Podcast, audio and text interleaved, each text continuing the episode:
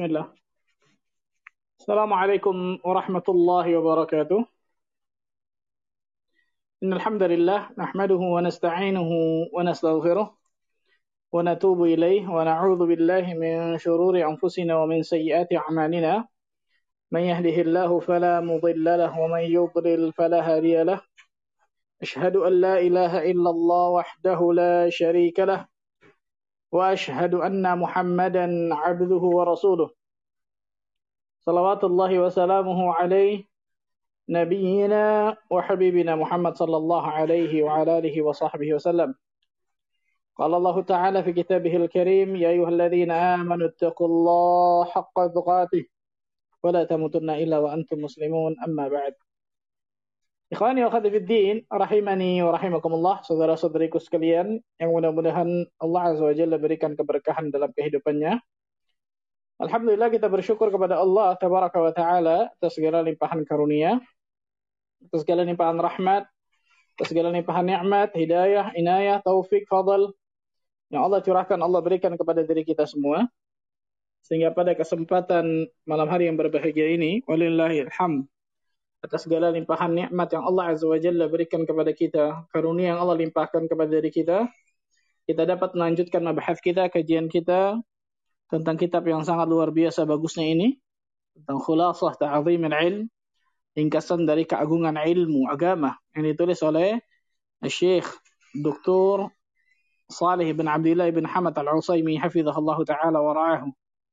Kita berdoa kepada Allah Azza wa Jalla mudah-mudahan Allah selalu berikan keikhlasan bagi diri kita dalam menuntut ilmu syar'i dan juga kemudahan-kemudahan dalam menuntut ilmu syar'i dan juga mengamalkan ilmu yang telah kita ketahui. Allahumma amin.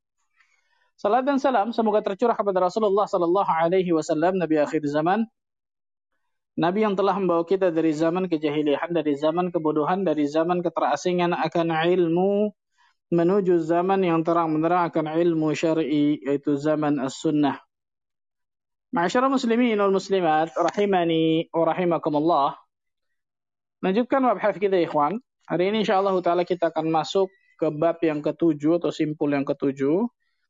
Qala al-muallif hafizahullah taala penulis berkata al-ma'qidus sabi' simpul yang ketujuh atau bab yang ketujuh al-mubadaratu ila tahsilihi wa ightinamu sinni siba wa syabab Al-mubadarah ila tahsilihi. Mubadarah ini bersegera. Cepat. Menyambutnya dengan segera, dengan cepat. Ila tahsilihi. Dalam apa? Dalam menuntut ilmu maksudnya di sini. Dalam menuntut ilmu. Jadi bersegera dalam menuntut ilmu syar'i, jangan pernah menunda-nunda. Dan juga apa? Waqtina sinni siba wa syabab. Dan memanfaatkan waktu mengoptimalkan waktu ketika umur muda atau ketika masa muda untuk belajar, ketika masa kecil bahkan. Kecil, kemudian muda dalam belajar. Dan ini luar biasa pentingnya, ikhwan. Nikmat masa muda ini kita sering lalaikan ternyata subhanallah. Padahal Nabi Shallallahu Alaihi Wasallam sudah memberikan nasihat kepada diri kita dalam sebuah hadis yang sahih yang diriwayatkan Imam Hakim dalam Musadraknya, "Igtanim khamsan qabla khamsin." Insyaallah ma'ruf hadis ini. Manfaatkanlah lima hal sebelum datang lima hal.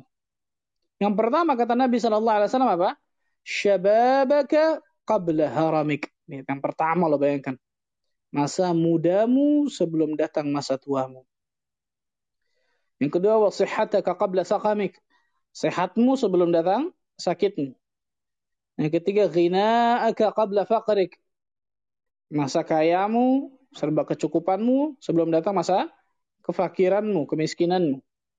Faraghaka qabla syughlik. Waktu luangmu sebelum datang waktu sibukmu. Wahayataka qabla mautik. Dan hidupmu sebelum datang kematianmu. Syahid bahasa kita yang pertama, Rasulullah SAW mengatakan, Syababaka qabla haramik manfaatkanlah masa mudamu sebelum sebelum datang apa? Masa tuamu. Allahu akbar subhanallah Masa muda ini masa bergejolak, ikhwan. Di mana seorang manusia sangat-sangat rentan untuk melakukan perbuatan kedurhakaan kepada Allah Azza wa. Karena itu, Rasul sallallahu alaihi wasallam memberikan nasihat kepada kita. Memberikan motivasi kepada diri kita ketika masa muda, perhatikan masa muda itu. Manfaatkan masa muda itu dengan baik dan benar. Karena masa muda itu akan Allah tanya nanti di hari kiamat. Dalam sebuah hadis yang sahih dari Imam Tirmidzi dan juga yang lainnya disahihkan oleh Syekh Al-Bani rahimahullah taala hadis ini, la tazulu qadama 'abdin yawmal qiyamah min 'indi rabbih hatta yus'ala an khams. Tidak akan bergeser kaki seorang hamba di sisi Rabbnya nanti di hari kiamat hingga ditanya tentang lima perkara. Yang pertama, ana umrihi fi ma'afnah, tentang umurnya, untuk apa dihabiskan umurnya tersebut. Tentang umur yang pertama lihat. Umurnya untuk apa dia pergunakan jatah usianya. Yang kedua Pak, wa an syababihi fi ma'ablah. Allah akbar tentang masa mudanya. Untuk apa digunakan masa mudanya tersebut.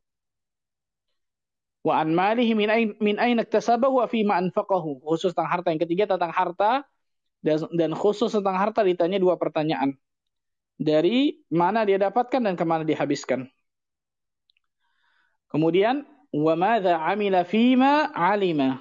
Dan yang terakhir yang kelima, apakah dia sudah amalkan ilmu yang telah diketahui? Apakah dia sudah amalkan ilmu yang telah dia ketahui? Subhanallah. Perhatikan hadis ini baik-baik. Kalau kita perhatikan, Rasul Shallallahu Alaihi Wasallam sudah mengatakan yang pertama, an umrihi fi maafnah tentang umur manusia, usia manusia akan Allah tanya di hari kiamat. Harusnya masa muda masuk ke umur dong, betul ya?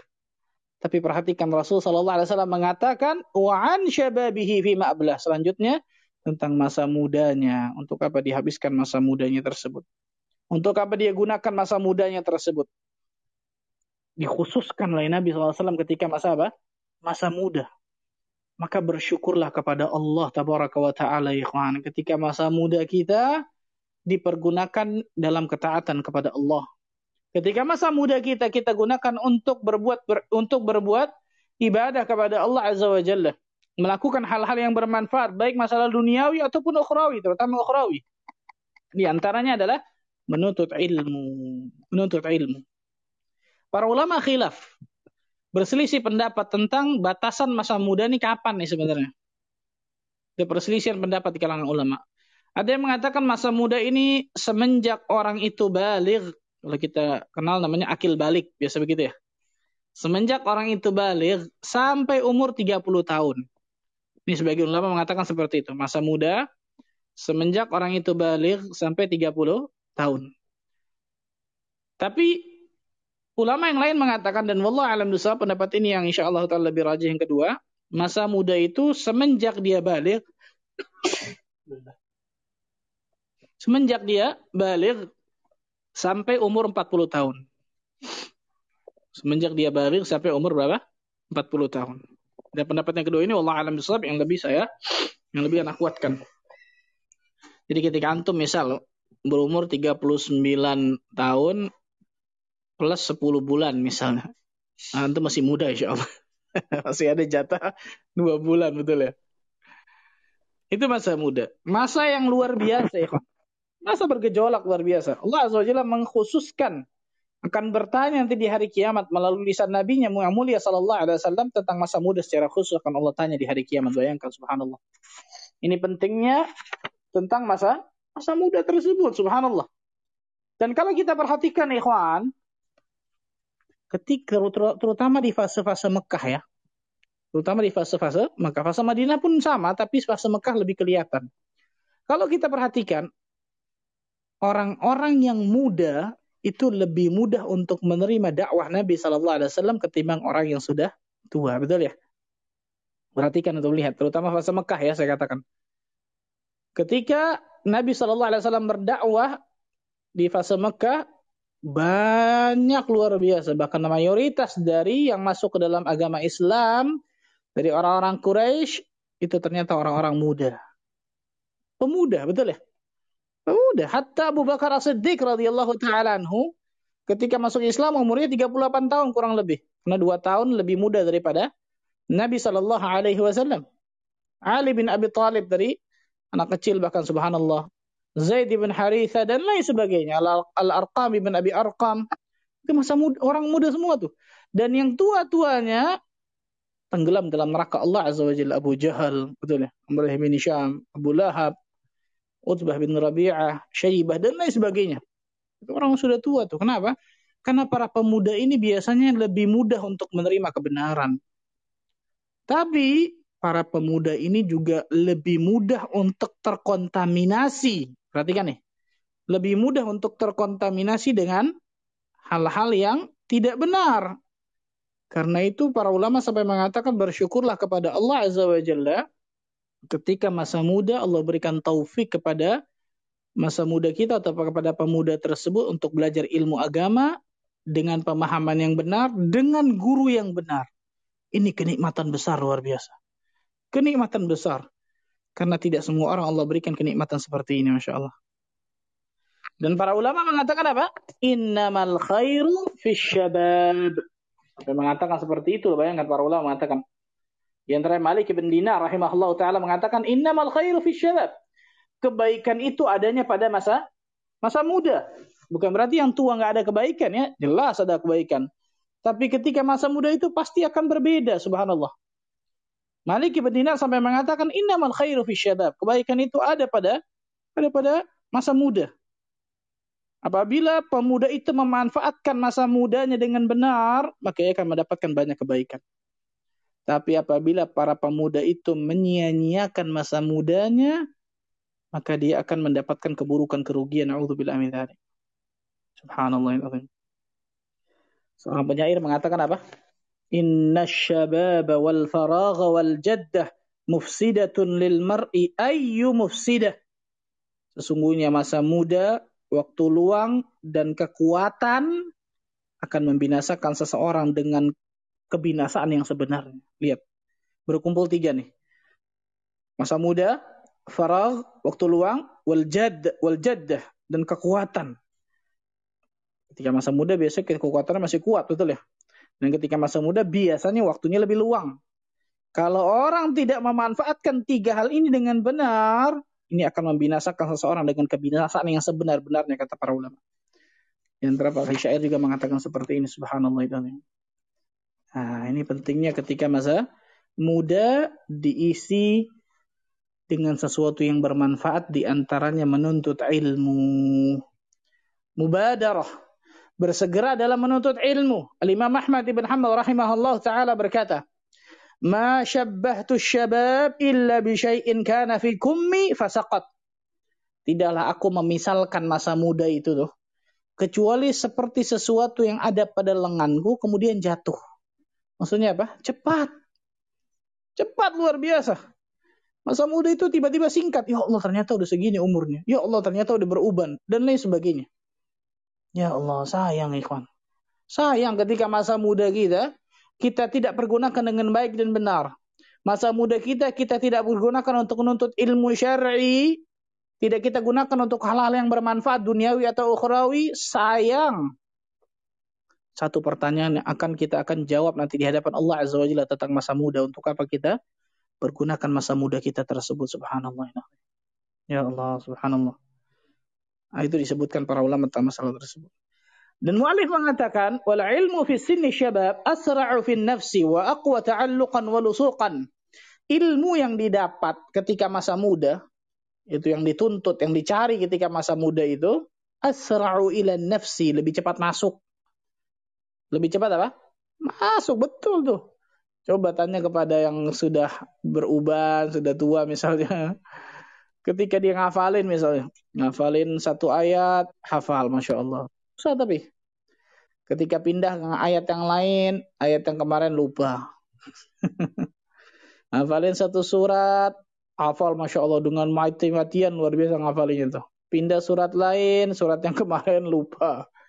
Subhanallah. Itu bedanya ketika masa muda dengan masa tua. Tapi perhatikan ya, bukan berarti kemudian masa tua kemudian tidak menuntut ilmu atau kemudian pesimis. Salah ini, salah besar.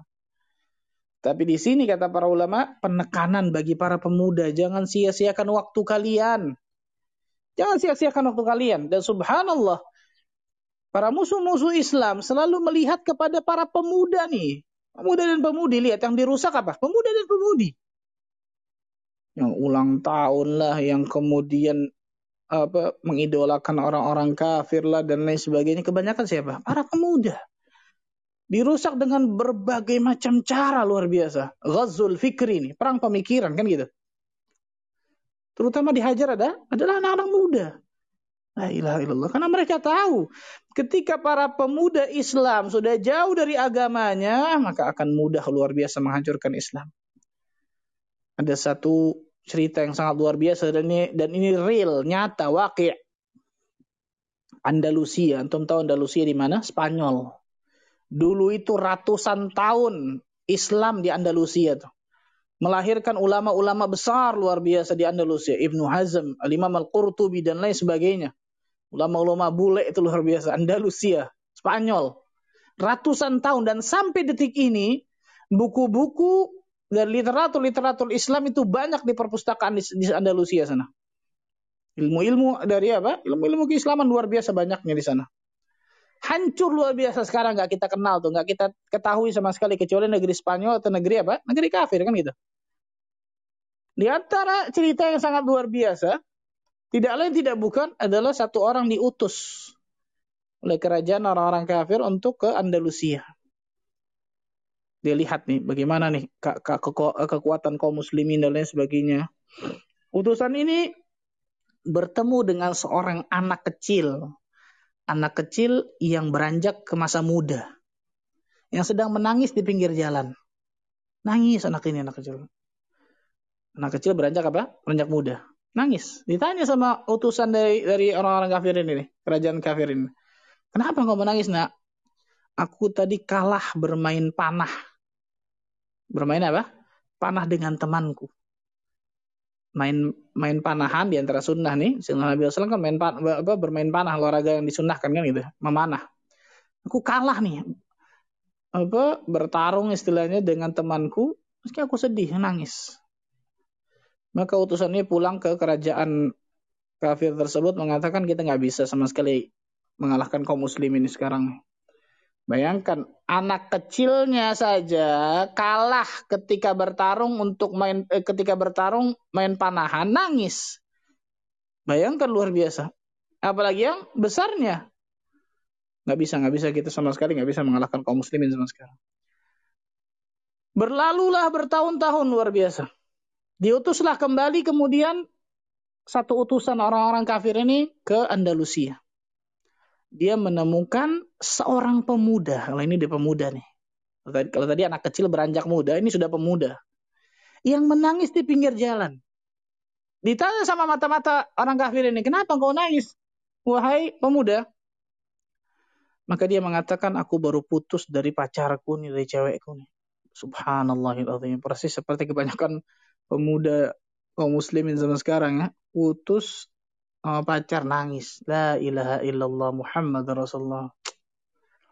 Apa kata mata-mata dari orang kafir ini? Oh, al-an, sekarang nih. Sekarang waktunya untuk menyerang kaum muslim ini. Ini pemudanya aja begini kan gitu. Diputusin pacar nangis. La ilaha illallah Muhammad Rasulullah. Bayangkan. Sekarang nih. Dan ternyata benar terjadi. Jatuhlah Andalusia di tangan orang-orang kafir. Sampai detik ini bayangkan. Dan sampai detik ini setiap tahun itu dirayak, dirayakan di Spanyol luar biasa loh. Tentang masalah kekalahan kaum muslimin. Tentang masalah ini subhanallah. Ya, perhatikan ya Wahai para pemuda, belajar, belajar dan belajar. Beramal, beramal dan beramal. Wahai para pemuda, manfaatkan masa mudamu dengan benar, dengan baik. Di antaranya untuk menuntut ilmu syar'i. Subhanallah. Al-Imam Hasan Al-Basri rahimahullah ta'ala mengatakan, Al-ilmu fi sigar, kan fil hajar menuntut ilmu ketika masa muda itu seperti menulis di atas batu, mengukir di atas batu. Bayangkan, mengukir di atas batu. Nggak hilang itu. Berbeda ketika menuntut ilmu sudah tua, biasanya apa? Nulis di atas air, susah, luar biasa, subhanallah. Maka ternyata kekuatan letaknya ilmu itu diraih ketika masa masa muda. Seperti kuatnya ukiran ketika seseorang mengukir di atas batu. Kan lama itu hilangnya. Bahkan nggak hilang-hilang, subhanallah. Nah, barang siapa yang memanfaatkan masa mudanya ini dengan kebenaran, dengan hal-hal yang positif, dengan hal-hal yang bermanfaat fi umuri dunyawiyah wal ukhrawiyah dalam hal-hal yang duniawi ataupun ukhrawi, terutama ukhrawi, maka insya Allah Ta'ala dia akan mendapatkan keselamatan, kesuksesan, keberhasilan yang luar biasa besarnya. Uh, Ali Syair mengatakan apa? Ightanim sinna syabab ya fata. Indal mashi indal mashibu yahmadul qaumi sura. Manfaatkanlah masa muda wahai pemuda. Engkau akan bersyukur atas semua jerih payahmu tersebut. Engkau akan bersyukur dengan jerih payahmu tersebut. Nuntut ilmu agama ini penting ikhwan ketika muda luar biasa. Karena itu ketika Ana mengisi satu kajian dan melihat banyak pemuda itu hati Ana luar biasa bergembiranya Masya Allah luar biasa tuh. Bukan berarti ketika melihat orang yang tua nggak gembira ya, berarti kan ya salah paham nih. Bukan itu. Bergembira luar biasa. Tapi pasti akan lebih berbeda ketika melihat para pemuda yang istiqamah, multazim, ala sunnati Rasulullah sallallahu alaihi wasallam di atas sunnah Rasul sallallahu alaihi wasallam seorang pemuda yang sholat lima waktu berjamaah, seorang pemuda yang istiqamah nuntut ilmu agama, beramal saleh dan dan dan lain sebagainya. Ya Allah, itu luar biasa ya. Kekuatan kaum muslim itu di situ di antaranya. Ada satu ahli hikmah mengatakan apa? Hikmatus syabab, uh, hikmatus syuyukh wa syabab. Hikmahnya para orang tua dan semangatnya para pemuda. Nah, hikmahnya para apa? Orang tua. Kenapa? Orang tua bisa banyak, banyak pengalaman. Maka yang menasehati, yang membimbing, yang mengarahkan biasa orang tua itu hikmah. Wahamasati syabab dan semangatnya para Para pemuda biasa, para pemuda semangatnya luar biasa. Tapi kalau semangat hanya semangat, tidak dibarengi atas ilmu, tidak dibarengi atas bimbingan, rusak bahaya. Maka harus ada bimbingan dari orang yang tua tadi itu. Nah, contohnya siapa? Nabi Shallallahu Alaihi Wasallam kepada para sahabat. Nabi Shallallahu Alaihi Wasallam membimbing para sahabat, baik para sahabat yang senior ataupun yang junior. Begitu juga para sahabat yang senior membimbing para sahabat yang junior. Allahu Akbar luar biasa. Itu harus kita lakukan.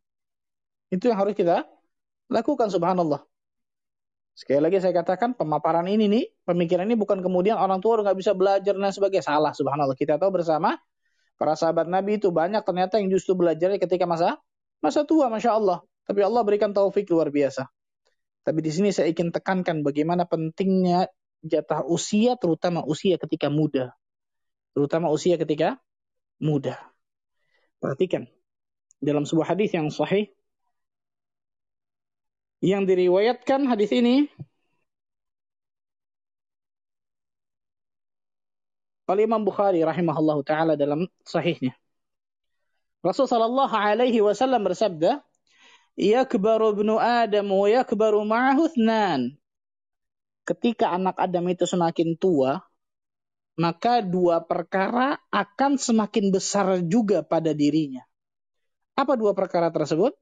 Hubbul mal wa tulul umur.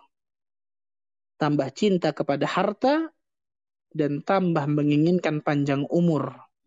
Dalam riwayat lain disebutkan wa tulul amal, tambah panjang angan-angannya. Ya Allah subhanallah ya perhatikan nih. Semakin orang itu tua, semakin dua perkara ini ternyata apa? Semakin besar bagi diri orang tersebut. Dengan kalau orang tersebut tidak mendapatkan rahmat dan karunia Allah jelas ya. Orang itu semakin cinta kepada hartanya, semakin gila kepada dunianya luar biasa. Alhamdulillah min dzalik. Dan orang itu semakin ingin panjang umur, panjang umur. Riwayat lain mengatakan panjang angan-angannya, panjang angan-angannya. Nggak pikir sama sekali tentang akhiratnya, ukhrawinya. Sudah 70 tahun, 80 tahun, masih sehat, masih segar nih. Mikirnya dunia dan dunia dan dunia. Dan saya bertemu dengan orang-orang seperti ini, ikhwan. Ini na'udzubillah banget nih. Saya ketemu dengan orang-orang seperti ini. 70 tahun buka mata pagi hari yang difikirkan dunia, dunia dan dunia. Nggak ada sama sekali apa? Nggak ada sama sekali keinginan untuk nuntut ilmu agama, duduk di majelis ilmu dan lain sebagainya. Ini musibah besar ya luar biasa. Musibah besar yang Allah Azza wa Jalla berikan kepada orang ini. Na'udzubillah min dzalik.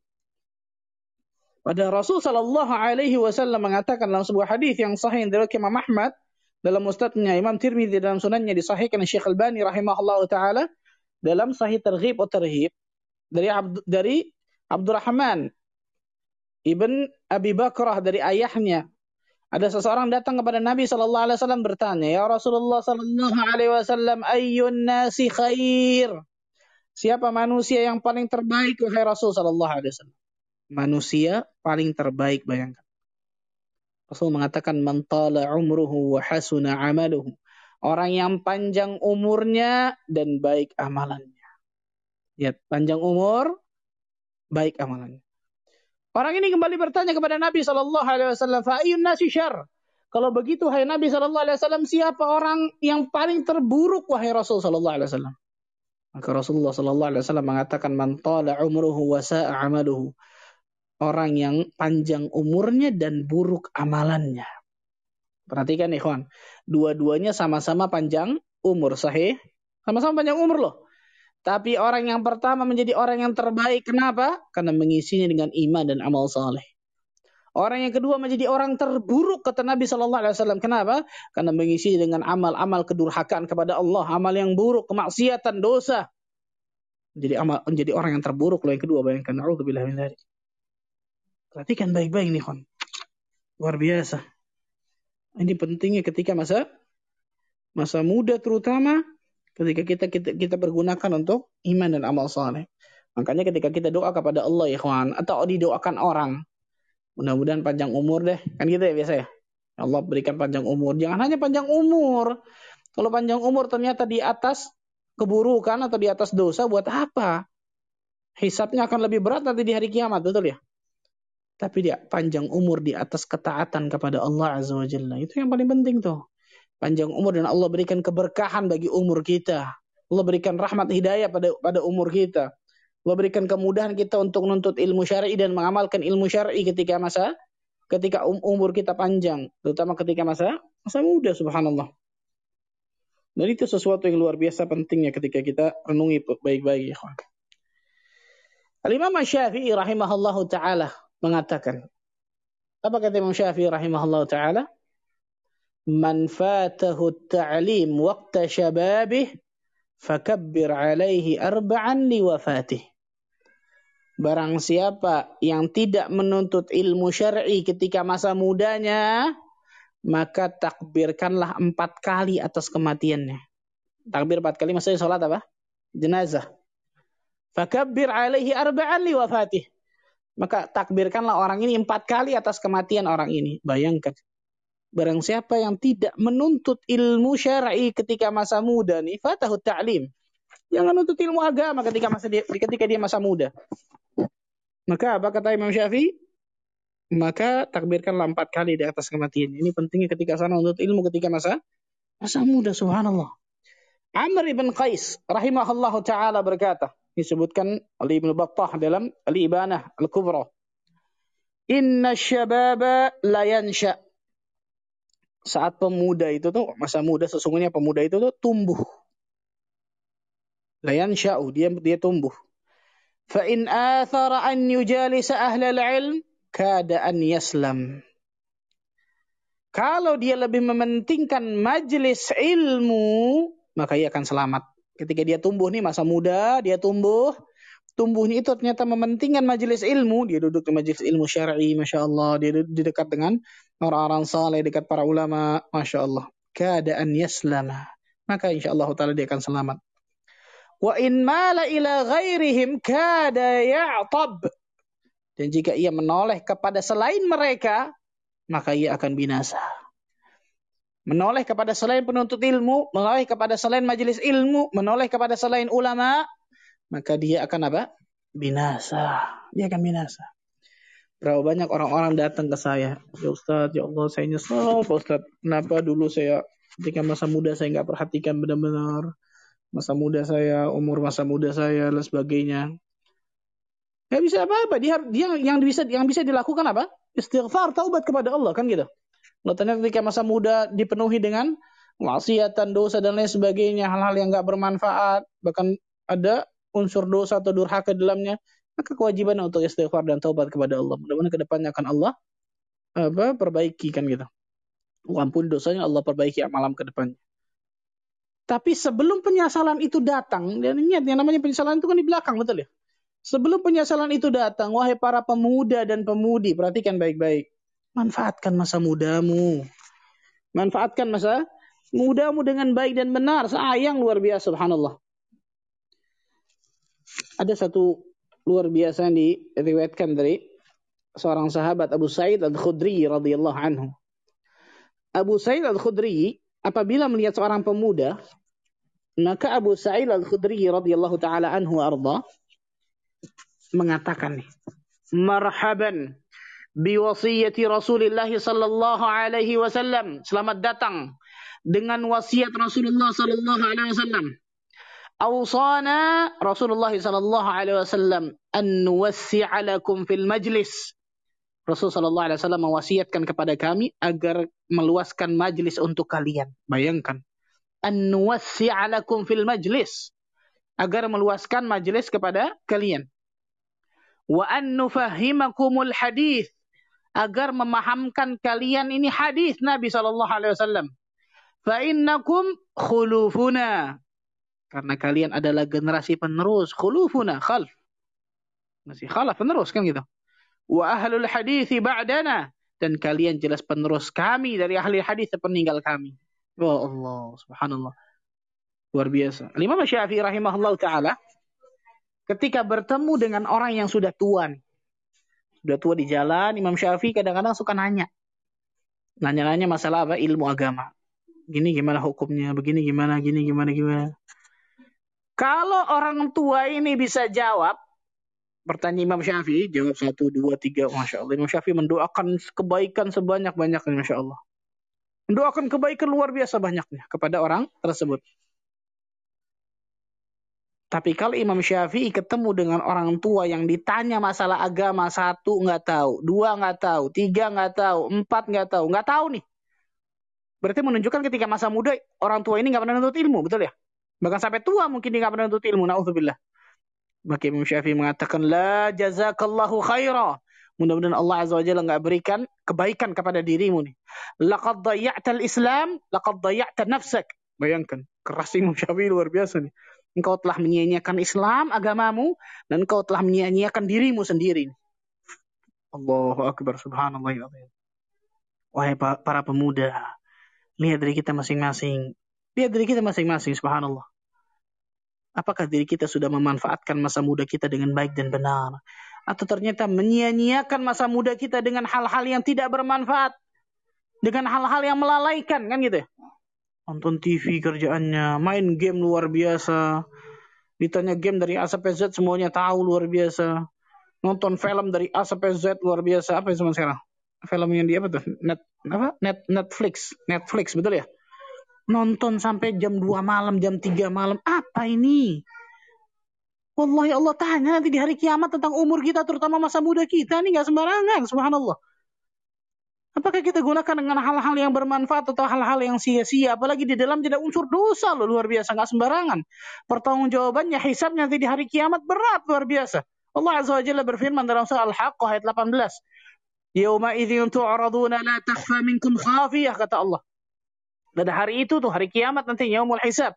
Kalian akan dihadapkan di hadapan Allah Azza wa Jalla dan tidak ada sedikit pun yang tersembunyi bagi Allah Azza wa Jalla. Yauma tublas sarair.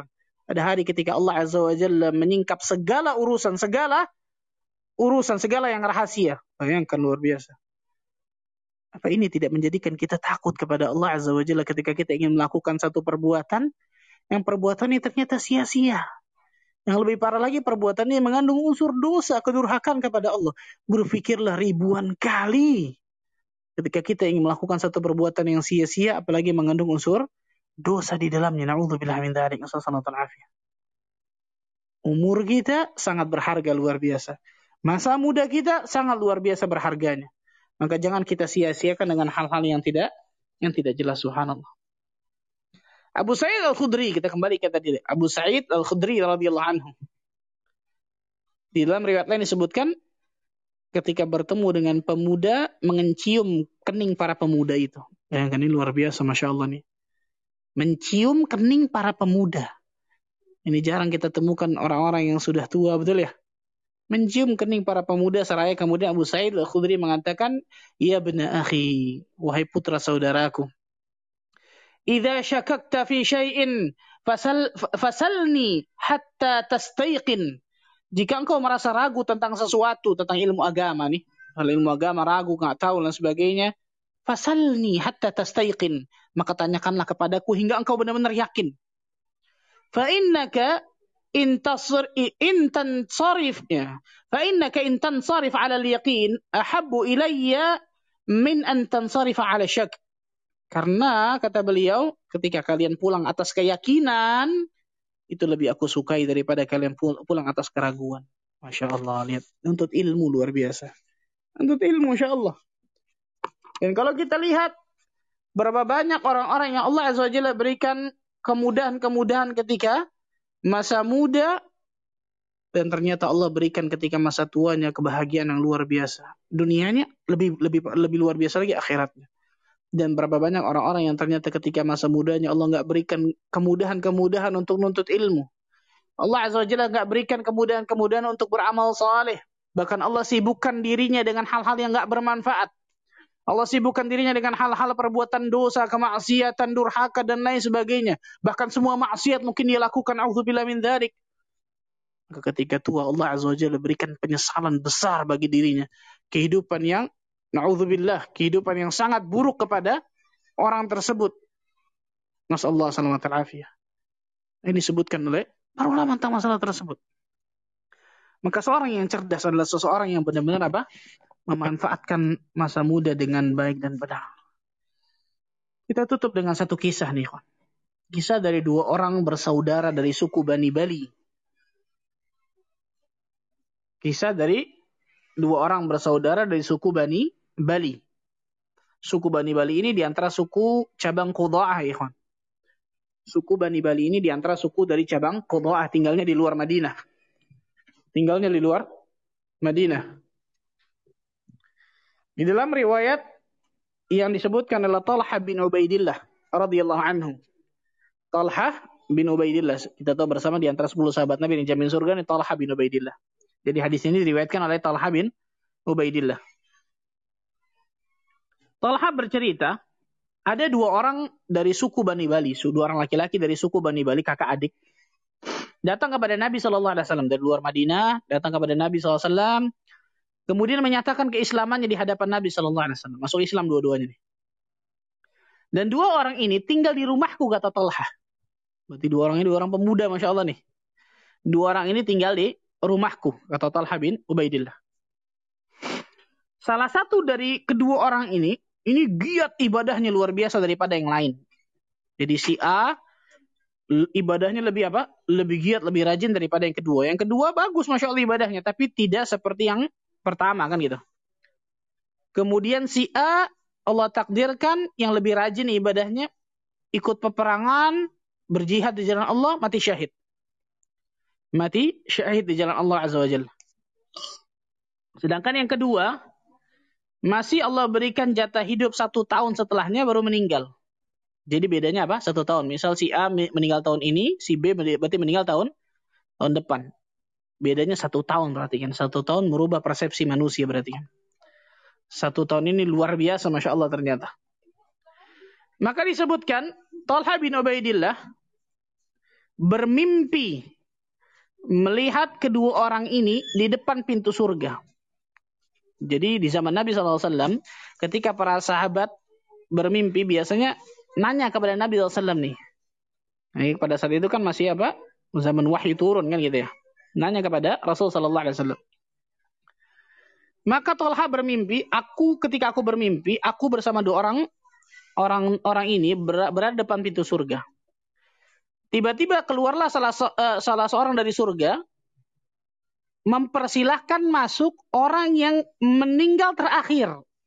Berarti yang apa? Ibadahnya biasa aja, tapi masih Allah kasih jatah usia satu tahun, betul ya?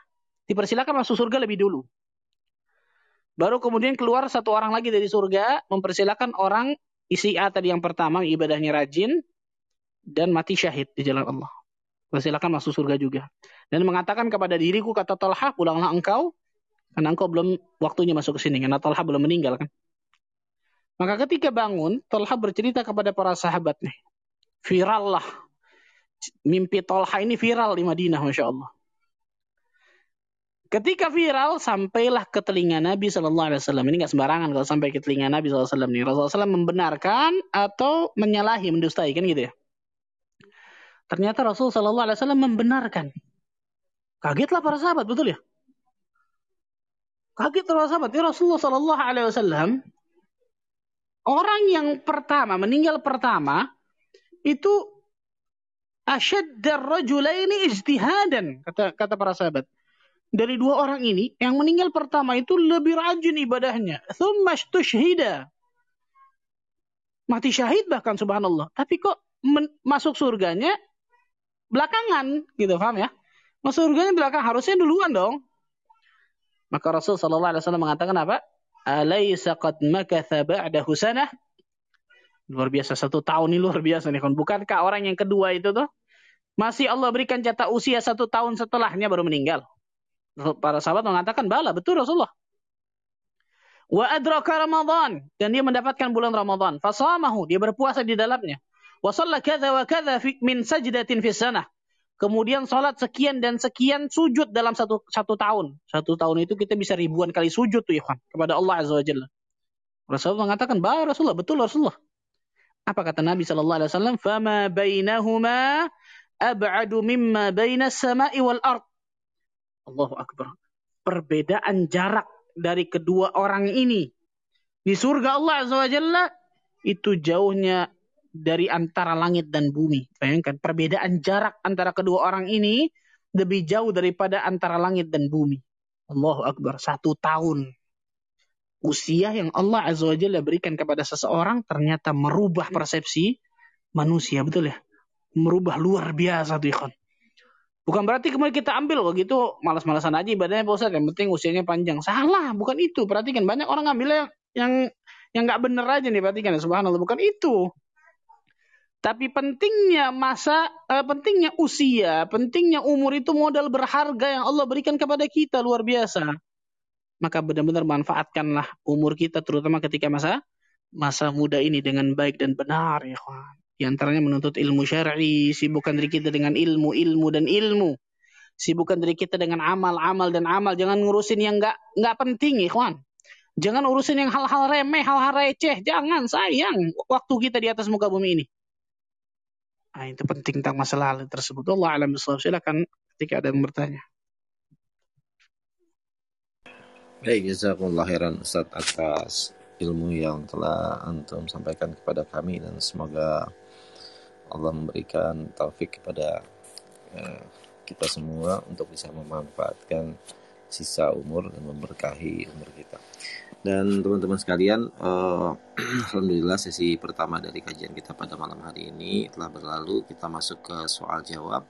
Dan bagi teman-teman yang ingin bertanya silakan menekan tombol raise hand-nya dan bisa bertanya langsung kepada Ustadz dan atau menuliskan pertanyaannya di kolom back channel.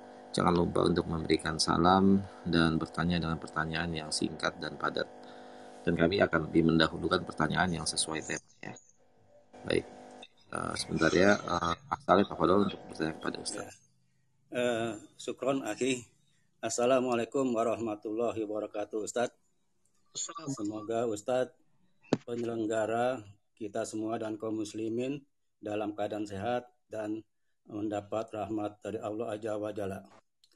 Ustadz, eh, masa tua atau orang tua yang di atas 40 tahun itu eh, banyak keterbatasan, keterbatasan panca indera misalnya kan. Hmm. Ditambah lagi kesibukan begitu. Hmm. Nah, bagaimana cara yang efektif bagi orang tua di dalam menuntut ilmu? Eh, apa nasihat Ustadz terhadap orang tua tersebut. Syukron, jazakumullah khairan. Nah, barakallahu fikum. Imam Fudail bin Iyad rahimahullah taala disebutkan dalam satu riwayat, satu kisah yang sangat luar biasa, bertemu dengan seseorang yang umurnya sekitar 70 tahunan. Orang ini umurnya sekitar 70 tahunan. Fudail bin Iyad bertanya kepada orang tersebut, "Kam umruk? Berapa tahun kau wahai syekh, wahai orang yang tua?" Maka dia mengatakan sab'in. Aku umurku 70 tahunan, 70 tahun kurang lebih. Maka Fudail bin Iyad mengatakan, oh, Masya Allah, berarti selama 70 tahun ini engkau berjalan menuju kepada Allah dan bisa jadi sebentar lagi engkau akan sampai kepada Allah. Maka orang tua tersebut mengatakan, Inna lillahi wa inna ilaihi raji'un. Fudail bin Iyad bertanya lagi kepada orang kakek-kakek tua tersebut, apakah engkau faham tahu apa makna kalimat yang engkau ucapkan tersebut tuh? Yes, istirja tadi itu. Innalillahi wa inna ilaihi raji'un. Apa hai Syekh ajari aku kata orang yang tua ini Masya Allah. Muslim belajar Masya Allah bagus dia. Ketika kita mengatakan innalillah sesungguhnya aku adalah milik Allah Azza wa Jalla. Wa inna ilaihi raji'un sesungguhnya pasti aku akan kembali kepada Allah. Berarti kita meyakini bahwa diri kita pasti akan dihadapkan di hadapan Allah Azza wa Jalla, pasti kita akan diadili dari seluruh perbuatan kita di atas muka bumi ini. Orang yang meyakini bahwa dirinya pasti akan disidang, diadili di hadapan Allah, maka pasti amal-amalannya pasti akan benar. Amal-amalannya pasti akan dia selektif dari dari beramal, kan gitu. Luar biasa, Masya Allah.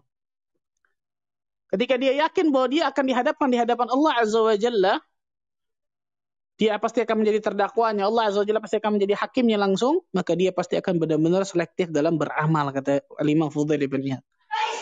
Maka Alim Fudail ibn Iyad, uh, orang, orang tua tersebut meminta nasihat kepada Imam Fudail ibn Iyad. Kalau begitu tolong nasihati aku. Apa kata Imam Fudail ibn Iyad? Perbaikilah. Ya, perhatikan luar biasa ini ujungnya nih Pak apa syahid bahasan kita ujung ini.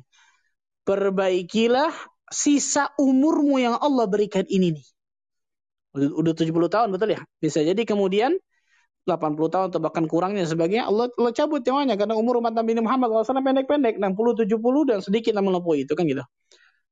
Yang pertama kita bisa lakukan kata Fudail bin Iyad perbaikilah sisa dari jatah usia yang Allah berikan kepadamu. Nah kau nggak tahu nih jatah usiamu sisa berapa kan gitu dan bertaubatlah, beristighfarlah dari perbuatan-perbuatan dosa kedurhakaan yang telah engkau lakukan sebelum ini. Maka ke depannya Allah Azza Jalla akan berikan kebaikan.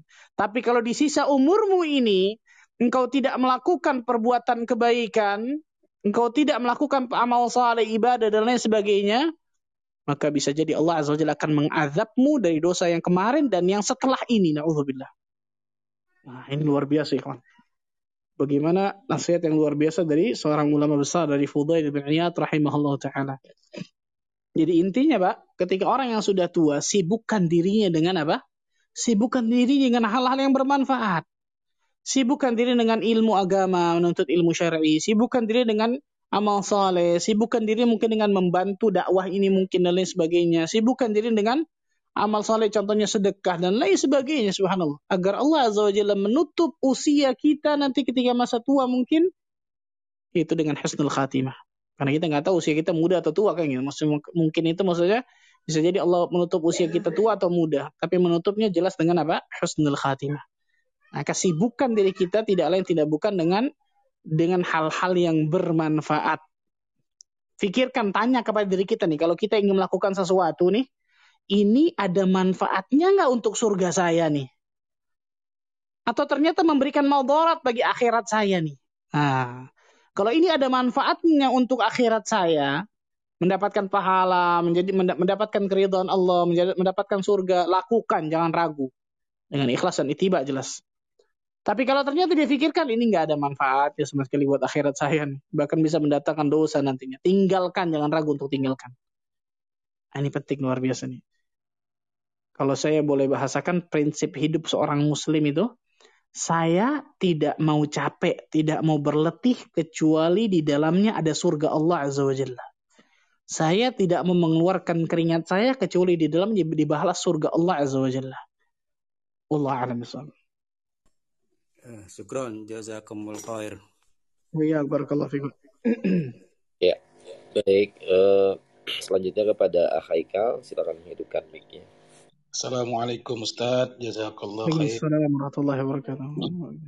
Bin dan Ustaz hafizahullah. Uh, Ana mau bertanya tentang seorang anak muda yang menyanyiakan hidupnya ketika muda, kemudian banyak melakukan maksiat ketika muda, kemudian di umur hampir 50 tahun, dia hijrah, mendapat musibah, mendapat cobaan, sehingga uh, Eh, banyak yang yang yang bermasalah dianggap masalahnya yang dihadapinya. Namun alhamdulillah beliau sudah hijrah. Yang jadi anak tanyakan Ustaz, ketika orang-orang yang ia maksiati ketika muda, mungkin hal-hal yang ia lakukan ia sia-siakan ketika muda. bagaimana cara ia taubat, kemudian apakah orang-orang yang ia zolimi, yang ia hutangi, yang ia rampas hartanya, harus ia ganti juga harta tersebut, sementara saat ini hartanya pun sudah habis. Itu saja. Jazakallah khair. Assalamualaikum. Waalaikumsalam warahmatullahi wabarakatuh. Yang pertama, bersyukurlah kepada Allah Azza wa Jalla bagi orang tersebut. Allah Azza wa Jalla masih berikan waktu dan kesempatan untuk kembali kepada Allah. Ini besar luar biasa, ikhwan. Kenikmatan besar luar biasa. Karena berapa banyak orang-orang di luar sana sampai dia meninggal. Allah Azza wa Jalla nggak berikan waktu dan kesempatan untuk kembali kepada Allah Azza wa Jalla. Allah Azza wa Jalla nggak berikan kesempatan untuk kembali beristighfar, bertaubat kepada Allah. Allah nggak berikan kesempatan untuk air matanya menetes karena takut kepada Allah, takut akan neraka Allah, takut akan siksa Allah yang telah dia lakukan karena amal yang telah dia lakukan. Bersyukur pada Allah Azza wa Allah masih berikan waktu dan kesempatan. Yang kedua, manfaatkanlah waktu dan kesempatan tersebut untuk dengan baik dan benar. Manfaatkan. Setelah yang pertama bersyukur, yang kedua apa? Manfaatkan. Kenapa? Karena orang yang hijrah ini bukan sembarangan. Pasti Allah Azza wa Jalla akan berikan apa? Ujian-ujian kepada dirinya. Jujurkah hijrahnya betul? Al-muhajir man hajar man Allah anhu. Yang namanya muhajir, orang yang berhijrah itu meninggalkan hal-hal yang Allah Azza wa Jalla haramkan. Ketika dia berjalan untuk menuju surga Allah Azza wa Jalla, meninggalkan jalan syaitan, syaitan tidak akan pernah rela bagaimana syaitan menjadikan orang tersebut tergelincir dalam jalan tersebut kembali lagi jalan syaitan. Tapi yakinlah ketika orang itu jujur, hatinya jujur benar-benar ingin taubat kepada Allah Azza wa Jalla. Saya ingin dapatkan surgamu ya Allah. Saya ingin taubat dari berbagai macam dosa ini ya Allah. Saya enggak mau masuk nerakamu ya Allah. Jujur hatinya benar-benar ingin taubat kepada Allah. Yakin Allah Azza wa Jalla pasti akan berikan kemudahan-kemudahan. Ya Seberat apa pun ujian yang dialami oleh dirinya. Di antaranya masalah ini. Ketika dia bertaubat kepada Allah Azza wa Jalla, Pasti kan ujian-ujian banyak. Contoh yang tadi. Masalah dosa yang berkaitan dengan manusia. Berarti harus diselesaikan di mana? Di dunia kan gitu. Harus diselesaikan di dunia subhanallah. Minta maaf kepada orang tersebut. Minta kerelaannya, keikhlasannya, keridaannya. Yang punya hutang, bayar hutangnya, dan lain sebagainya. Dan lain sebagainya subhanallah. Kalau itu sulit dia lakukan, maksudnya mungkin orangnya sudah nggak ketemu dan lain sebagainya macam-macam maka sering banyak-banyaklah berbuat apa? Amal kebaikan. Banyak-banyaklah berbuat amal kebaikan terutama amal-amal yang sunnah setelah yang wajib jelas. Innal hasanat yudhibna sayyiat. Sesungguhnya kebaikan-kebaikan amal ketaatan itu akan menghilangkan apa? keburukan. Akan menghilangkan ke keburukan itu akan menghilangkan dosa. Para ulama menyebutkan memang ketika orang itu ingin bertobat kepada Allah, dia harus jalankan syurut taubah. Dia harus jalankan syarat-syarat apa? Syarat-syarat taubat. Yang pertama, an-nadam, menyesal akan perbuatan dosa tersebut. Yang kedua, al-iqla' meninggalkan dosa, perbuatan dosa tersebut. Langsung ninggalin. Nyesel, langsung ninggalin. Yang ketiga, al-azam, bertekad kuat untuk tidak mengulangi perbuatan dosa itu. Yang keempat, al-ikhlas. Ikhlas ketika dia bertobat kepada Allah Azza wa Jalla. Bukan karena duniawi, bukan karena yang lain. Enggak, tapi ikhlas karena bertobat kepada Allah. Yang kelima, memperbanyak istighfar kepada Allah. Memperbanyak istighfar kepada Allah. Yang keenam, menggantinya dengan memperbanyak amal soleh. Menggantinya dengan memperbanyak amal soleh kepada Allah. Lihat ini yang saya katakan tadi. Menggantinya memperbanyak amal soleh. Sering sholat sunnah, sering puasa sunnah, banyak bersedekah, banyak membantu orang, mungkin dengan membantu dakwah dan lain apa pun itu. Perbanyak apa? Amal soleh. Innal hasanat yudhibna sayyiat. Dan yang terakhir, kata para ulama, tambah ketika itu masalah uh, hak anak Adam di manusia itu diselesaikan di mana? Di dunia. Yang saya katakan tadi, kalau itu mudah dan itu memungkinkan untuk meminta maaf, meminta kerelaannya, membayarnya, dan lain sebagainya, silahkan lakukan. Lakukan, Masya Allah. Jangan ragu. Oh, jangan bosan anak gengsi, minta maaf. Ya, ketemu di akhirat berat nanti. Subhanallah. Al-hasanat wa sayyiat. Ima pahala kita diambil atau dosa? Dosa dia diberikan ke kita. Kalau itu sulit untuk kita lakukan, bahkan mustahil untuk kita lakukan. Misal orang sudah meninggal, kita nggak tahu di mana dan sebagainya, maka menyesallah kepada Allah Azza wa Jalla. Bertaubatlah kepada Allah Azza wa Jalla. Doakan orang-orang yang yang pernah kita zalimi tersebut dengan doa kebaikan sebanyak-banyaknya. istighfarkan orang-orang yang pernah kita zalimi dengan istighfar sebanyak-banyaknya kepada mereka agar Allah Azza wa Jalla ampuni dosa-dosa kita. Yang kita yakin doa kebaikan kita atau istighfar kita sudah setimpal dengan apa yang apa yang kita lakukan keburukan kepada mereka. Dan seringlah menangis kepada Allah ya kawan, sering menangis. Karena para ulama mengatakan min alamati taubah al-buka ala salaf di antara tanda taubat seseorang itu nasuha, orang itu mudah untuk meneteskan air matanya ketika dia mengingat tentang dosa-dosanya. Wal khawfu minal wuqu'i fi dan dia takut terjerumus kepada dosa itulah kembali itu. Ya Allah. Allah alam Jazakallah khair Ustaz. Ustaz, kalau kalau dia akui dengan atau dia minta maaf kepada orang yang dia zolimi. Bisa jadi dia dipenjara atau bisa jadi dia dipukuli orang sekampung, Ustaz. Ini termasuk hmm. sulit atau gimana, Ustaz? Nah, para ulama mengatakan kalau seperti itu ke ini ya, apa namanya kenyataannya, contoh seperti apa? Uh, apa dipukuli orang sekampung menjadikan madarat yang lebih besar dan lain sebagainya. Maka yang seperti ini Allah alam yang saya katakan tadi dia taubat kepada Allah dengan taubat dan nasuha dengan sebenar-benarnya dan doakan tadi anak katakan doakan kebaikan dengan doa sesering mungkin sebanyak-banyaknya kepada orang yang telah dia zalimi tersebut satu.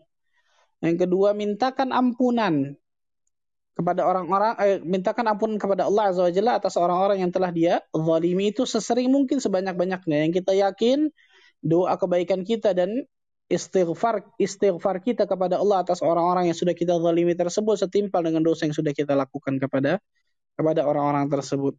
Karena para ulama mengatakan kalau kita melakukan sesuatu ternyata madaratnya akan jauh lebih besar, maka yang seperti ini tidak kita lakukan. Contoh ketika seseorang ghibah misal, dari pendapat yang lebih rajin ya.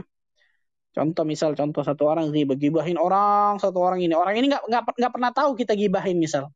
Lain kalau orang tersebut sudah tahu kita gibahin, ini nggak ada cerita harus datang minta maaf.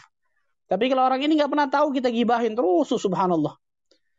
Maka para ulama khilaf nih, apakah harus datang minta maaf dan lain sebagainya. Kalau datang minta maaf, madaratnya bisa lebih besar kata para ulama. Bisa orang tersebut kemudian tadi tuh bisa memukulnya, bisa lain sebagainya. Bisa marah kepada lebih parah kan madarat lebih besar. Maka yang bisa dilakukan tidak lain tidak bukan tadi dua hal yang paling penting tuh. Mendoakan kebaikan sebanyak-banyaknya kepada orang tersebut, kemudian mengistighfarkan kepada Allah Azza wa atas dosa orang-orang tersebut yang kita yakin dua hal ini sudah setimpal dengan dosa yang kita lakukan kepada orang tersebut itu dosa gibah kita kepada orang tersebut. Allah alam itu yang bisa ana sampaikan mungkin. Jazakallah khair Ustaz. Barakallah fiik. Ya, barakallah. Semoga Allah memberikan taufik buat kita semua. Ustaz, um, izin membacakan pertanyaan tertulis Ustaz. Pertanyaannya masih menyambung dengan pertanyaan tadi. Assalamualaikum Ustaz. Jika kita bertobat dari dosa di masa lampau, apakah nanti di akhirat kita akan tetap dimintakan pertanggungjawaban atas dosa tersebut atau dihukum Ustaz? Jazakallah khairan. Nah, barakallahu fikum. Kalau dosa tersebut kita sudah bertaubat akan dosa tersebut, sudah kita istighfarkan kepada Allah, dan Allah Azza wa Jalla terima taubat kita. Allah Azza wa Jalla ampuni dosa tersebut. Ini yang jadi masalah nih, kawan. Kita nggak tahu nih.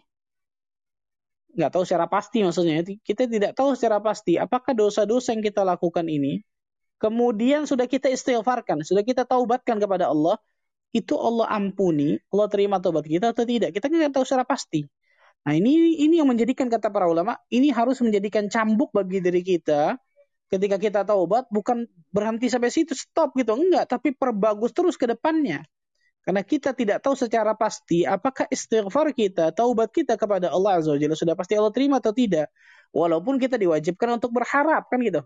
Tapi jangan lupa untuk tadi takut al khawf. Dua ini harus seimbang al khawf rasa takut dan rasa rasa harap.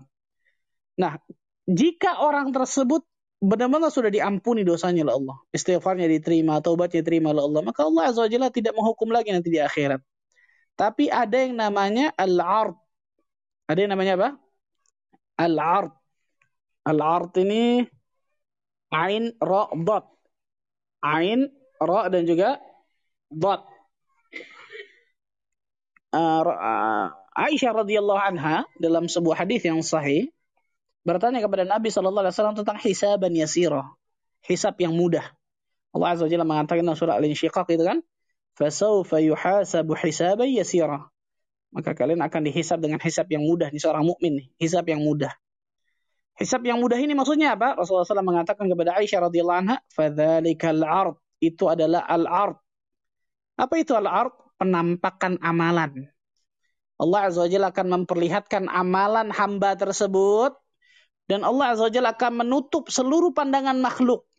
Hanya Allah dan hamba tersebut. Jadi Allah nggak permalukan depan makhluk, enggak, karena sudah diampuni sama Allah nih. Hanya Allah dan hamba tersebut. Allah mengatakan kepada hamba tersebut, "Ata'rifu dzamba kadza, ata'rifu dzamba kadza, ta'rifu dzamba kadza."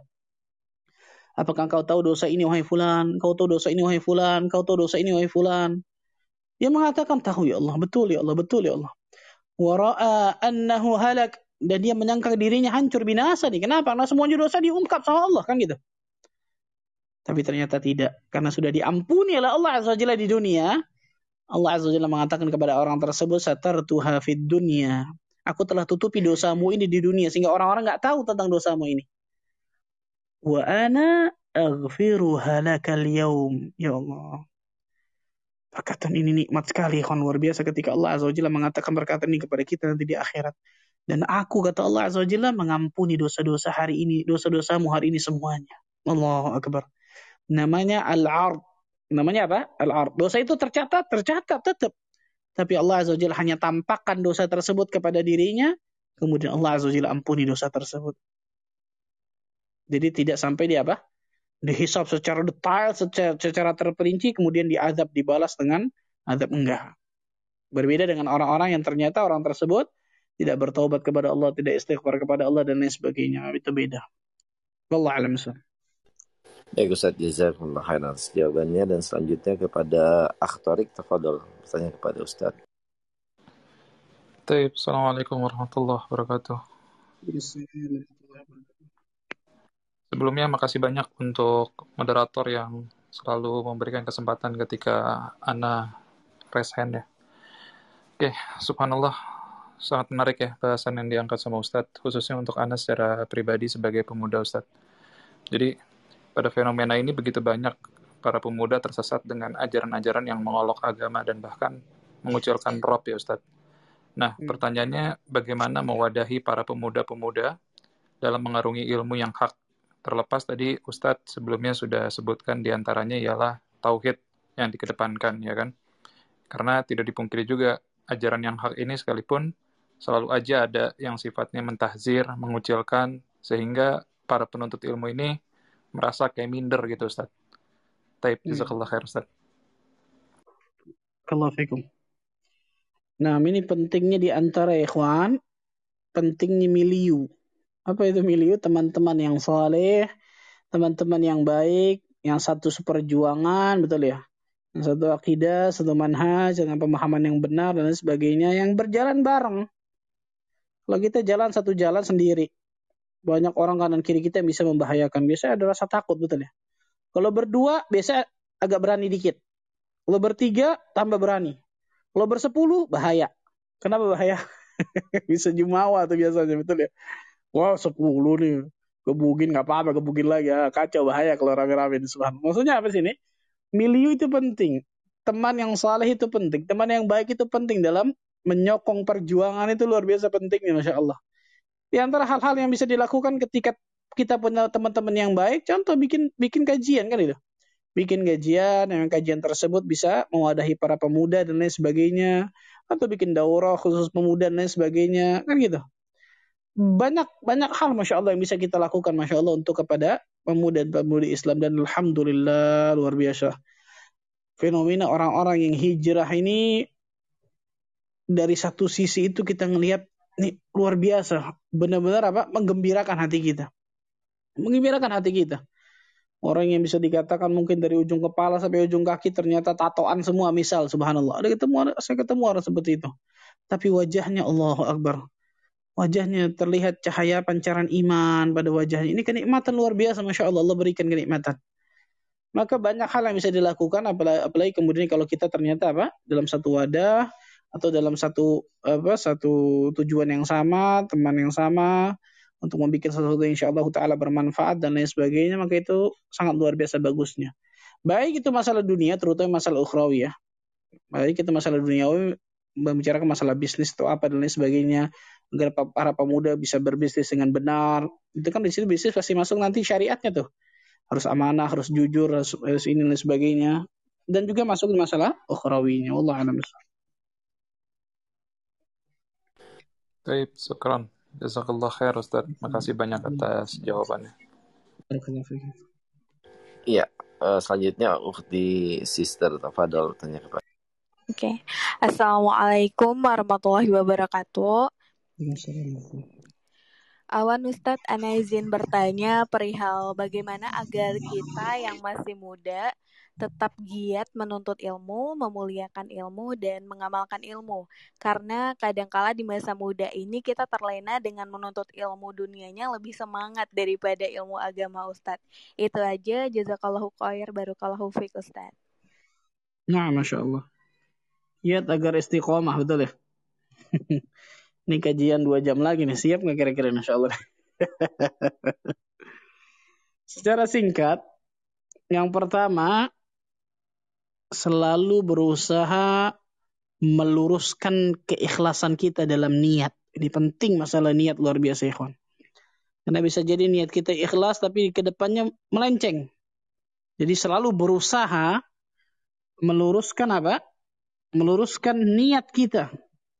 Meluruskan niat kita nih. Ketika kita menuntut ilmu syari ikhlas karena Allah. Jadi sebelum menuntut ilmu selalu selalu apa cek niat. Sebelum itu selalu cek niat sebagaimana yang sudah kita bahas masalah niat dan keikhlasan. Karena keikhlasan ini Allahu Akbar azim luar biasa Yohan. Sesuatu perkara yang besar dan agung luar biasa. Berapa banyak orang-orang yang Allah Azza wa Jalla berikan keistiqomahan di antara sebab terbesarnya karena keikhlasannya ini. Maka yang paling pertama selalu berusaha untuk selalu mengecek apa? Niat kita atau keikhlasan kita dalam niat. Yang pertama. Yang kedua kata para ulama tadi tuh selalu cari teman yang bisa memotivasi kita bareng-bareng jalan ke surga Allah. Selalu cari apa? Rifqah, as-salihah. Teman yang saleh. Teman yang baik. Satu seperjuangan, satu misi nih menuju surga Allah Azza wa Jalla. Semakin apa teman tersebut satu misi, satu perjuangan, insya Allah Taala semakin besar yang akan kita dapatkan. Makanya Umar bin Khattab radhiyallahu anhu mengatakan apa? Ma'uti al-abdu ba'da al-Islam khairan qat min min akhi salih. Atau kama qal. Tidak ada sesuatu yang lebih nikmat, lebih besar nikmat yang Allah Azza wa Jalla berikan kepada seseorang setelah nikmat Islam kecuali Allah berikan teman yang saleh kepada dirinya luar biasa. Ini yang kedua, cari teman-teman yang yang saleh, yang baik. Cari perkumpulan yang cocok dengan kita karena nggak mungkin kita sudah ngaji, ngumpulnya sama orang-orang yang ngomongin masalah klub, misalnya, masalah apa, masalah duniawi dong, isi dari ujung ke ujung, nggak bakal nggak bakal ketemu itu. Orientasi sudah beda, motivasi sudah beda kan gitu, subhanallah. Ini yang kedua. Yang ketiga kata para ulama, sering mengingat kematian. Sering mengingat apa? Kematian, subhanallah. Ternyata di antara manfaat mengingat kematian ini dari banyak manfaat menjadikan kita istiqamah di jalan Allah Azza wa Jalla. Ini luar biasa yang namanya apa? Sering mengingat kematian. Dan tambahkan sering mengingat kematian dan alam-alam dan alam akhirat. Tambahkan nih, sering mengingat kematian dan juga apa? Alam akhirat. Dari alam kubur, kemudian kita dibangkitkan oleh Allah Azza wa Jalla nanti di mahsyar, yaumul hisab, ada mizan, ada al-haud, ada syafaat, ada sirat, qantarah, berujung dengan dua. Al-jannah wan nar, surga ataupun neraka. Orang-orang yang sering mengingat alam akhirat, insyaallah taala insyaallah taala hatinya akan melembut, orientasinya tujuan utamanya akhirat dan lain sebagainya. Maka insyaallah taala dia akan giat untuk selalu apa? Menuntut ilmu, menuntut ilmu ibadah dan lain sebagainya. Ini yang ketiga. Yang keempat kata para ulama, sering membaca kisah-kisah para ulama terdahulu dalam mereka menuntut ilmu. Kita akan merasa diri kita kerdil, ikhwan. Gak ada apa-apanya sama sekali kalau dibandingkan Para ulama terdahulu menuntut ilmu syar'i. Luar biasa, Masya Allah. Sudah pernah kita bahas ya, saya lupa subhanallah. Contoh Imam Baqi bin Makhlad yang berjalan dari Andalusia menuju ke Irak. Untuk buka di Google Maps nih. Dari Spanyol ke Irak. Berapa ribu kilometer itu? Atau berapa puluh ribu kilometer? Jalan kaki, bayangkan. Bukan naik pesawat nih. Jalan kaki Imam Baqi bin Makhlad untuk bertemu untuk bertemu dan menuntut ilmu kepada Imam Ahmad bin Hanbal rahimahullah taala di Baghdad pada saat itu. Contoh aja kan, contoh kecil itu. Membaca kisah-kisah para ulama terdahulu. Imam Malik rahimahullah taala menjual saqaf, menjual atap rumahnya untuk nuntut ilmu hadis, luar biasa. Berapa para ulama yang menghabiskan seluruh harta warisannya setelah setelah beliau dapat harta waris dihabiskan untuk apa? Menuntut ilmu luar biasa. Itu contoh-contoh kecil aja. Dari sekian banyak contoh ulama yang luar biasa, subhanallah. Nuntut ilmu syar'i itu luar biasa. Kenikmatan besar ya kalau Allah Azza wa Jalla sudah berikan ke dalam hati kita. Di antara dengan cara membaca sirah atau kisah-kisah para ulama terdahulu dalam menuntut ilmu syar'i. Kemudian yang selanjutnya pula sering muhasabah. Ini penting ini. Sering bermuhasabah. Sering mengintrospeksi diri kita. Sering mengoreksi dari diri kita. Niat kita, amalan kita sesuatu amalan kita yang wajib, yang sunnah, atau jangan-jangan kita melakukan sesuatu yang haram dan lain sebagainya. Sering bermuhasabah. Nah, muhasabah ini akan memberikan banyak manfaat luar biasa kepada diri kita. Selanjutnya pula berdoa kepada Allah Azza wa Jalla secara singkat ya. Berdoa kepada Allah Azza wa Jalla jangan pernah putus agar agar Allah Azza wa Jalla selalu berikan keistiqomahan bagi diri kita. Ya muqallibal qulub, tsabbit qalbi ala dinik. Ya musarrifal qulub, sarif qalbi ala ta'atik dan lain sebagainya. Allah alam. Baik, Ustaz. Uh, sister sudah terjawab ya tadi pertanyaannya dan semoga Allah memberikan taufik bagi kita semua dan selanjutnya kepada Ummu Huzaifah Masya Allah Tafadol pertanyaan Ya, Bismillahirrahmanirrahim. Assalamualaikum warahmatullahi wabarakatuh, Ustaz. Waalaikumsalam warahmatullahi wabarakatuh. Izin bertanya. Hmm, ini pertanyaan titipan, Ustaz. Hmm. Jadi ada uh, Fulana yang dulunya waktu masa muda dia sering menyia-nyiakan waktunya, tidak pernah beribadah, uh, sering berbuat maksiat. Lalu alhamdulillah sekarang sudah hijrah, mulai mengaji dan um, banyak perubahannya lah Ustadz ke arah lebih baik sesuai sunnah.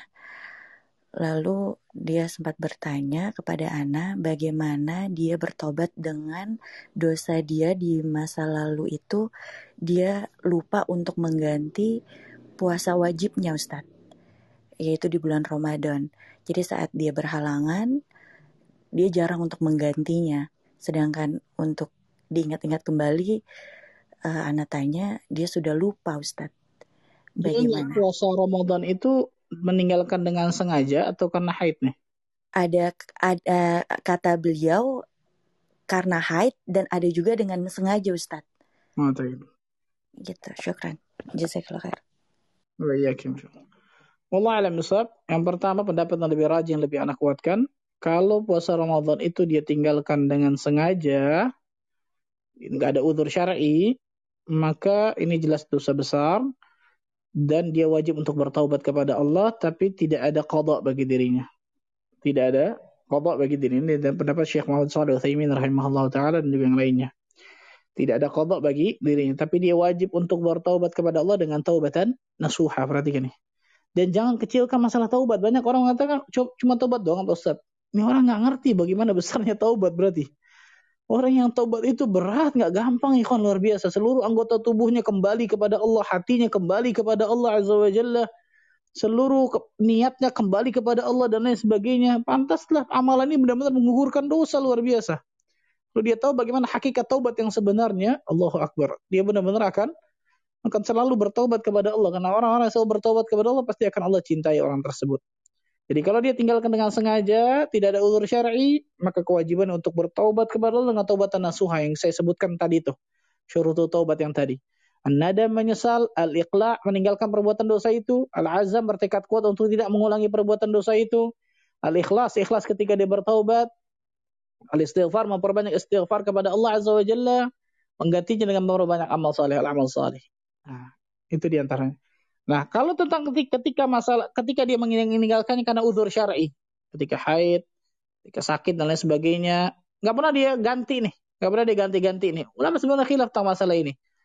Apakah yang seperti ini harus kodok, hanya kodok atau pakai vidya dan lain sebagainya? Allah alam besar pendapat lebih rajin kodok. Bagaimana caranya? Dia udah udah nggak ingat nih. Jawabannya dia memperkirakan. Dia harus apa? Dia harus mencoba memperkirakan berapa tahun saya yang yang dulu tuh kacau. Sebelum masa masa sebelum hijrah berapa tahun nih? 10 tahun misalnya. 10 tahun kemudian saya haid berapa lama nih? 10 hari misalnya. 10 10 hari berarti kali 10 misalnya. Ganti kemudian dengan puasa puasa puasa ketika ini. Dia harus memperkirakan dengan dia mengingat-ingat ya. Kalau dia nggak ingat secara pasti nggak ada masalah. Yang penting dia perkirakan aja perkirakan dan kalau bisa juga kemudian dia tambah gitu. Setelah diperkirakan dia tambah untuk ihtiyatan, untuk kehati-hatian. Semaksimal yang memang dia bisa. Semaksimal yang dia mampu. Maksudnya semaksimal yang memang dia ingat. Dari puasa-puasa yang memang dia tinggalkan itu dengan uzur syar'i ya.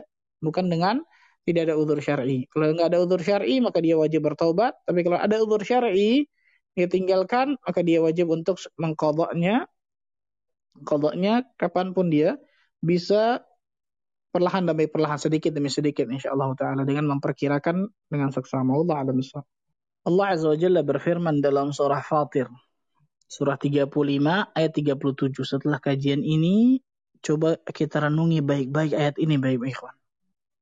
Surah 35 Fatir ayat 37 wahum yastarikhuna fiha dan mereka penghuni neraka akan berteriak meminta kepada Allah Azza wa Jalla. Apa yang mereka teriaki kepada Allah Azza wa Jalla? Rabbana akhrijna na'mal salihan ghaira alladhi kunna na'mal. Ya Allah Tuhan kami. Keluarkan kami dari neraka ini Allah. Keluarkan kami dari neraka, kembalikan ke mana? Ke dunia. Kami akan mengerjakan amal-amal yang dahulu kami nggak kerjakan itu tuh. Itu kami akan mengerjakan kebaikan kami, kami akan beramal soleh, kami akan sholat, kami akan nuntut ilmu, kami, kami, kami, kami, kami, kami. Angan-angan penghuni neraka nih. Minta kepada Allah Azza wa Jalla dikeluarkan dari neraka, dikembalikan ke dunia agar mereka dapat beramal soleh, amal-amal yang dahulu mereka tinggalkan di dunia. Apa kata Allah Azza wa Jalla? Awalam nu'ammirkum ma yatadhakkaru fihi man tadhakkar. Bukankah kami telah memanjangkan umur atau usia kalian untuk mengambil pelajaran bagi orang-orang yang mau mengambil pelajaran? Waja'akumun nadhir dan telah datang peringatan kepada kalian. Fadhuku famalil zalimina min nasir. Maka rasakanlah azab Allah Azza wa Jalla pada hari ini. Tidak ada sedikit pun penolong bagi orang-orang zalim. Ya Allah, na'udzubillah min dhalik. Perhatikan ayat ini baik-baik, ikhwan modal berharga yang Allah berikan kepada semua manusia, baik muslim, kafir, fasik, munafik, siapa pun itu, adalah umurnya, usianya, waktunya. Saking pentingnya masalah waktu ini Allah Azza sampai bersumpah wal asr demi masa bayangkan innal insana lafi khusr. Sesungguhnya seluruh manusia dalam kerugian, kebinasaan, kekurangan. Illa alladzina amanu kecuali orang-orang yang beriman wa amilus salihat. Kemudian beramal saleh Iman amal saleh pasti di dalamnya ada ilmu, nggak mungkin tidak. Iman amal saleh, iman amal saleh kita sering temukan ini dalam Al-Quran, betul ya? Pasti di dalamnya ada ilmu, karena tidak mungkin seorang dapat beriman dengan benar tanpa ilmu, dan tidak mungkin seorang dapat beramal saleh tanpa ilmu yang benar. Wa tawassabil haq wa tawassabil sabr. Saling menasihati dalam kebenaran dakwah, saling menasihati dalam kesabaran. Maka jadikanlah diri kita termasuk golongan hamba-hamba Allah yang bahagia, beruntung, sukses, berhasil dalam menjalankan keempat kriteria dalam ayat ini. Ingat, modal berharga yang Allah berikan kepada kita, usia kita, umur kita. Di antaranya masa muda. Maka perbuatlah atau ber, ber, berbuatlah dengan yang baik dan benar, berbuatlah yang bermanfaat, berbuatlah yang mendatangkan pahala, mendatangkan kebaikan dunia akhirat bagi kehidupan kita, jatah usia kita, karena seluruhnya akan Allah tanya nanti di hari kiamat ya Di antaranya menuntut ilmu syar'i, berilmu dan beramal saleh. Wallahu a'lam bishawab. Itu mungkin yang saya bisa sampaikan. Subhanakallah bihamdika asyhadu an la ilaha wa atubu ilaik. Wassalamualaikum warahmatullahi wabarakatuh.